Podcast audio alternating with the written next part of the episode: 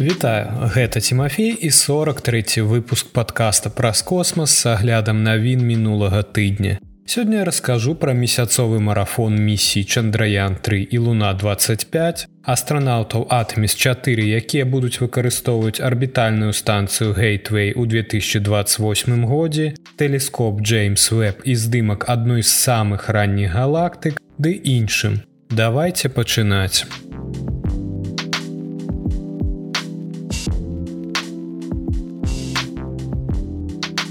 Чандраян 3 супраць луна 25. Індыя і Расія імчацца да паўднёвага полюсу месяца. Гэтыя місіі больш падобныя на месяцовы марафон, чым на спрынт. Індыйскі месяцовы пасадачны модуль Чандраян 3 быў запущены 14 ліпеня, выйшаў на месяцовую арбіту 5 жніўня. Цяпер ён зніжае сваю арбіту ў рамках падрыхтоўкі да спробы пасадкі, якая, як чакаецца, адбудзецца 23 жніўня. Тым часам Расія здзяйсняе першы візіт на месяц 1976 года, калі адбылася савецкая місія па вяртанні ўзораў, якая атрымала назву Луна 24. Луна 25 стартавала 10 жніўня і абраўшы больш прамы маршрут да месяца можа здзейсніць спробу пасадкі ўжо 21 жніўня. Таму калі вы слухаеце гэты падкаст ужо пасля 21 ці 23 жніўня, то вы, магчыма, ведаеце, чым скончылася гэтае спаборніцтва. Хоць так званая гонка інтрыгуе, пераможца застанецца без прыкметнага прыза. Але з іншага боку ёсць таксама важныя пытанні прэстыжу, а таксама наступствы для патэнцыйных іншых місій і магчымасцей для міжнароднага супрацоўніцтва. І вядома ж, на карту пастаўлена немало навукі. Ключавымі фактарамі, якія ўплываюць на тое, калі гэтыя касмічныя караблі прызямляцца, з'яўляецца час траекторыі руху сонца. Сонца павінна ўзыходзіць над адпаведнымі кропкамі пасадкі гэтых зонтаў, Таму што сонечнае святло будзе забяспечваць энергіяй касмічныя караблі на паверхні. Чандраян 3 нацэліўся на месца пасадкі ў пункце, дзе сонца будзе ўзыходзіць рана 21 жніўня. А гэта азначае, што асвятленне будзе прыдатным для пасадачнага модуля вікрам на сонечнай энергіі і марсахода праг'ян да таго часу, калі яны прыземляцца 23 жніўня. Місія Лна 25 нацэлілася на кратар Багуслаўскага. Паколькі гэты рэгіён знаходзіцца далей на ўсход. Сонца ўзыдзе над гэтым месцам раней 20 жніўня. А гэта азначае, што Луна 25, якая часткова працуе на сонечнай энергіі, таксама зможа прызямліцца раней. Аднак гэта будзе залежаць ад таго, на якую месячную арбіту выйдзе Луна 25. Вікрам і праг'ян сілкуюцца ад сонечнай энергіі і маюць працягласць місіі адзін месяцовы дзень. Гэта каля 14 зямных дзён. Таму ранняя пасадка будзе важная для таго, колькі яны змогуць дасягнуць за адведзены ім час. Луна 25, аднак пастаўляецца з радыёізатопным тэрмаэлектрычным генератарам, які будзе пастаўляць цяпло і энергію неабходныя для працы пасадачнага модуля на працягу як мінімум аднаго года. А гэта азначае, што час пасадкі ў пачатку мясцовага месяцовага дня можа не быць такім прыярытэтам для гэтай місіі. Месяц з'яўляецца цэнтрам адноўленай глобальнай цікавасці. Яго наведвае флот касмічных караблёў з розных краін. У той час як месяц шмат разоў вітаў аўтаматычныя пасадачныя модулі, толькі Кітай змог паспяхова прызямліцца на месяцы ў гэтым стагоддзі з місіямі чаны 3, 4 і 5. А ў адрозненні ад гэтых кітайскіх місій спробы Індыі і рассіі накіраваны на наваколле паўднёвага полюсу месяца. Хоць існуе інтрыга адносна таго, які карабель прызямліцца першым ці зробіць ён мяккую бяспечную пасадку або зробіць цвёрдае завяршальная місію прызямлення з'яўляецца ключавым пытаннем. Расія не высаджвалася на месяц савецкіх часоў. Апошняй савецкай місіі была Луна 24, запущенная аж 47 гадоў таму. Апошняя расійская міжпланетная місія Фобас грунт, мэта якой было сабраць узоры са спадарожніка Марса Фобуса, не змагла пакінуць нізкую калязямную арбіту ў 2011 годзе. Місія Луна 25 затрымлівалася больш за 10 гадоў. Інжынерам таксама трэба было ўнесці змены ў сістэмы навігацыі пры пасадцы на пазнейшых этапах распрацоўкі касмічнага карабля. Што тычыцца Індіі, то краіна імкнецца далучыцца да злучаных штатаў былога савецкага саюза і Китая у якасці адзінай краіны, якая здзейсніла мяккую пасадку на паверхню месяца. Это таксама стала б вялізным подвігам для краіны разам з місіям манглаян якая выйшла на арбіту марса ў 2014 годзе і скончыла свой тэрмін у 2022 годзе таму што ў яе разрадзілась батарэя індыйская арганізацыя касмічных даследаванняў заяўляе што атрымала вынікі з няўдалай спробы прызямлення касмічнага карабля чандраян 2 у 2019 годзе Нядаўнія спробы ізраільскіх і японскіх кампаній здзейсніць пасадку на месяц былі, на жаль, няўдалымі. А вось за намаганнямі пасадкі на паверхню месяца Індыі і рассіі будзе пільна сачыць увесь свет. Чаму менавіта паўднёвы полюс месяца? Прызямленне на паўднёвым полюсе з'яўляецца цэнтрам міжнароднай інтрыгі адносна магчымай прысутнасці вадзянога лёду, які можна было б выкарыстоўваць у якасці паліва або для забеспячэння мясцовых паселішчаў. Індыя і Расія імкнуцца прызямліцца на поўдні месяца, дзе ніхто яшчэ не прызямляўся. Але гэтыя вобласці не лічацца па-сапраўднаму палярнымі, але гэта не азначае, што мы не даведаемся нешта новае. Абедзве місіі ў асноўным накіраваны на праверку і дэманстрацыю тэхналогій будучых мягкіх пасадак на месяц. Пасадачныя модулі маюць аналагічную масу. Луна 25 важыла каля 1750 кілаграмаў пры старце. Прычым крыху больш за палову гэтай вагі складае паліва. Тым часам пасадачны модуль Чандраян 3 вікрам важыў 1752 кілаграма, уключаючы ровер пад назвай праг'ян вагой 26 кілаграмаў. Большая частка масы вікрама таксама з'яўляецца палівам для пасадкі. Луна 25 нясе 8 навуковых інструментаў. У тым ліку комплекс месяцовых маніпулятараў, якія здольны выкопваць месяцовы рэгаліт, дэтэктар нейтронаў і гамавы праменьванне, прызначаны для пошуку вадзянога лёду. Тым часам вікрам будзе імкнуцца максімальна выкарыстоўваць свой адзіны сонечны дзень. Ён нясе чатыры навуковых карысных грузу, адзін з якіх увядзе цеплавы зонт у месяцовы грунт на глыбіню каля 10 сантиметраў і будзе выміраць тэмпературу месяцовага рэгаліту на працягу месяцовага дня. Тым часам праг'ян будзе несці спектраскоп лазерна-індукаванага прабоя і рэнтгенаўскі спектрометр альфа-часціц для вывучэння месяцовага рэгаліту. Рэтрафлектор на вікрам будзе карысны яшчэ доўга пасля таго, як пасадачны модуль перастане працаваць. Рэтрафлектор прызначаны для адлюстравання святла непасрэдна зваротна да крыніцы і ён уяўляе сабой мадэрнізаваную версію тых, што былі ўсталяваны на месяцы місіямі Апалон і будзе выкарыстоўвацца для дакладнага вымярэння адлегласці і змены адлегласці паміж зямлёй і месяцам.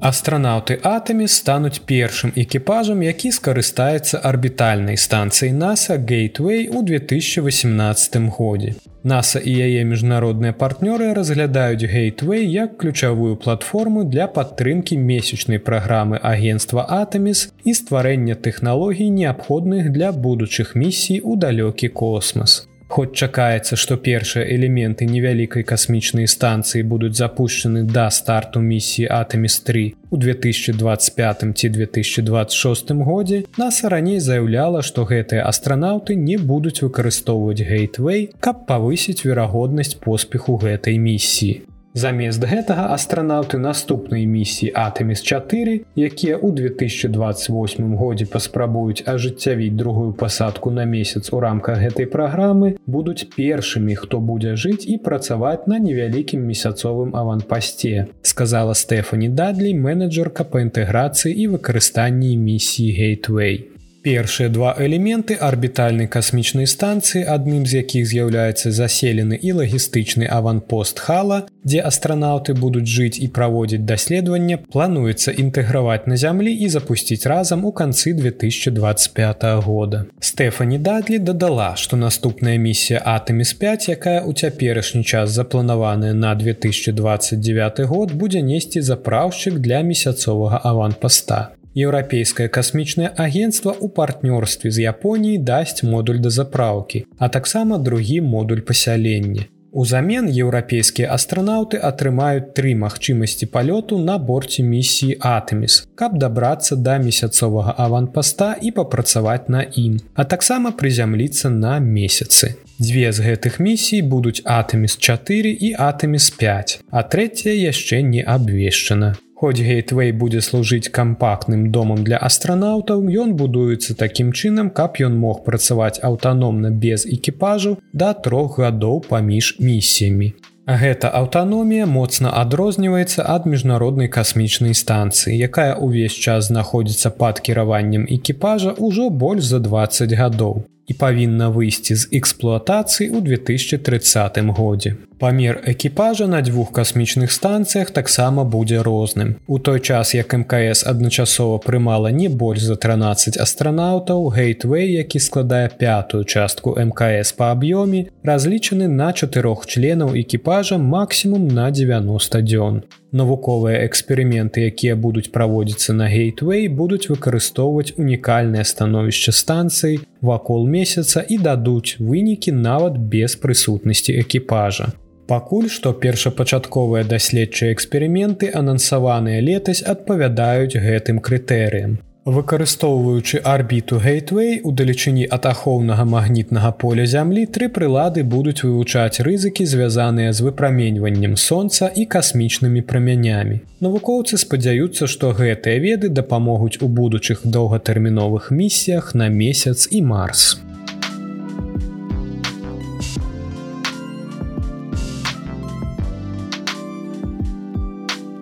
Касмічны тэлескоп Джеймса Вэба пацвердзіў, што галактыка Мейсі з'яўляецца адной з самых ранніх з калі-небудзь убачаных.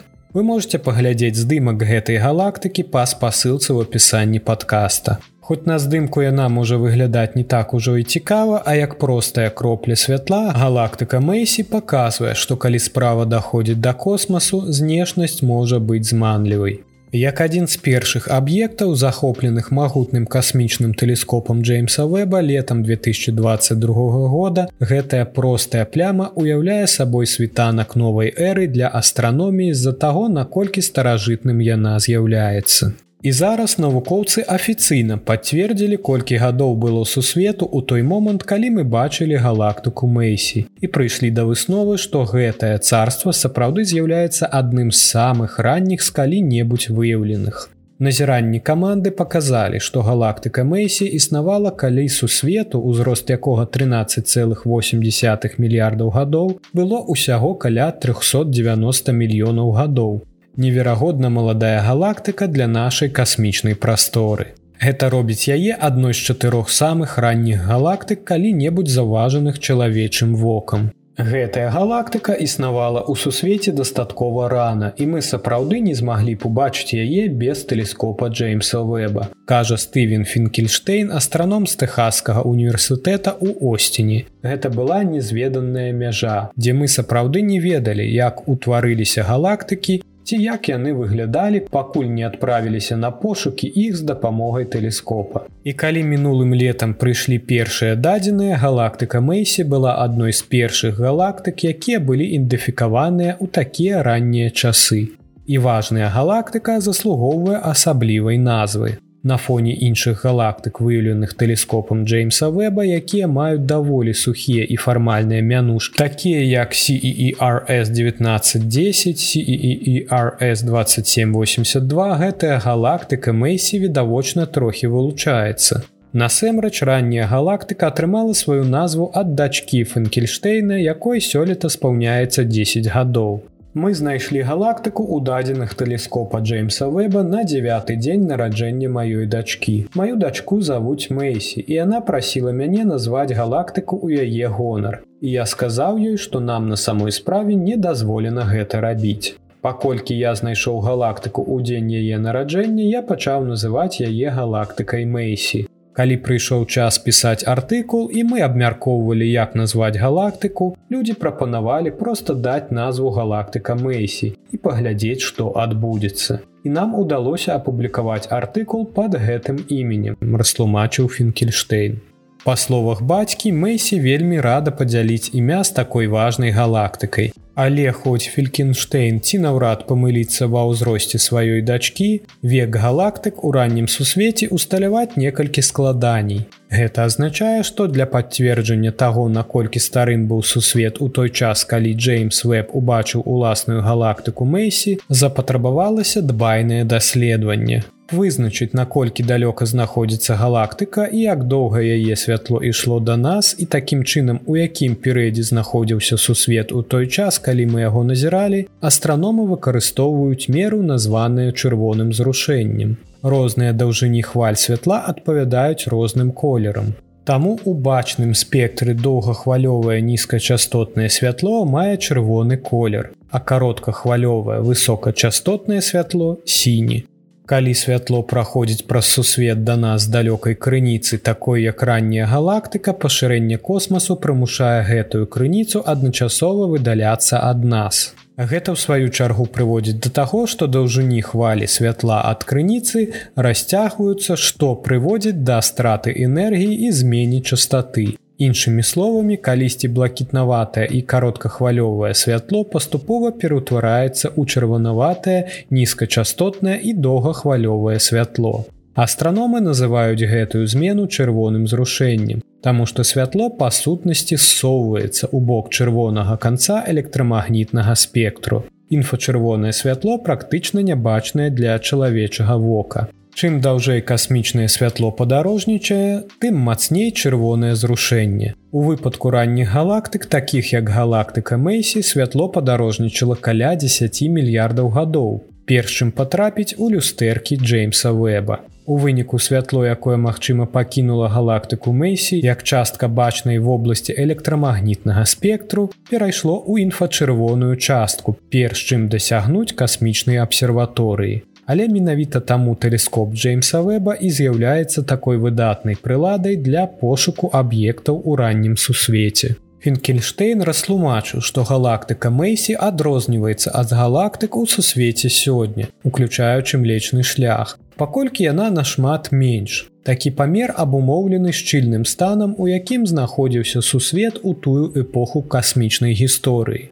Сусвет быў даволі актыўным, калі была заўважана галактыка Мэйсі, таму што яна была нашмат меншай, чым сёння. Такім чынам усё было сціснута ў значна меншы аб'ём. Акрамя таго, галактыкі тады былі бліжэй адна да адной і зліваліся значна часцей паколькі сусвету ў той час было ўсяго каля 400 мільярдаў гадоў. Па сутнасці ўсе зоркі вакол былі маладыя. Таму было нашмат больш яркіх і блакітных зорак, чым мы бачым сёння ў галактыках, сказаў Фінкельштейн. Галактыка Мэйсі таксама адрозніваецца ад большасці сучасных галактык тым, што на момант нашага назірання ў ёй хутка нараджаліся маладыя блакітныя зоркі. Галактыка Мэйсі, безумоўна, дае нам добры прыклад таго, што ўяўляе сабой галактыка ў раннім сусвеце. І паколькі яна даволі яркая, мы можам лёгка яе вывучаць і можам вымерыць мноства яе параметраў, такіх якія зорная маса і яе формула.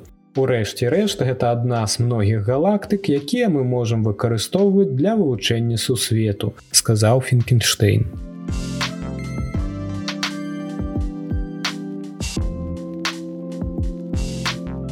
Гэта ўсе навіны, пра якія я хацеў распавесці вам у выпуску. Не так шмат навін, але шмат цікавай інфармацыі. Цяпер пагаворым аб падзеях наступнага тыдня акрамя пасадкі луны 25 і чандраян 3 пра якія я казаў у пачатку выпуска 23 жніўня нас чакае запуск расійскага грузавого карабля прагрэс мс24 на ракете саюз 21а з місіяй па папаўненні запасаў на міжнароднай касмічнай станцыі. Гэта будзе 177 палёт прагрэсу 27 жніўня будзе запущена SpaceX Crew 7. Это будзе сёмая аператыўная ратацыйная місія касмічнага карабля Crew Dragon з экіпажам на міжнародную касмічную станцыю. 27 жніўня адбудзецца супрацьстаянне Сатурна, падчас якога планета будзе цалкам асветлена сонцам і будзе ярка зяць у сузор'і вадалея. Пры назіранні няўзброеным вокам Сатурн будзе выглядаць як жоўтая кропка. У бінокль можна будзе ўбачыць авальныя формы планеты, а з дапамогай невялікага тэлескопа можна будзе разглядзець і кольцы Сатурна. На працягу некалькіх дзён дай пасля супрацьстаяння кольцы Сатурна будуць зяць надзвычай ярка. Падчас супрацьстаяння сонца свеціць прама на Сатурн, калі глядзець зямлі. Таму планеты і часціцы, з якіх складаецца яе кольцы, цалкам асветлены і не адкідаюць ценю. Акрамя таго, святло падае на кожную з часціц, робячы кольцы яшчэ ярчэй. Дзякуй, што даслухалі да канца. Падкаст і я сыходзім на двухтыднёвы адпачынак. Усім нам часам трэба адпачыць. Але я не пакіну вас без касмічных навін сачыце за абнаўленнямі ў сацыяльных сетках подкаста. Як заўсёды вялікая падзяка маім патронам. Пачуемся ў верасні.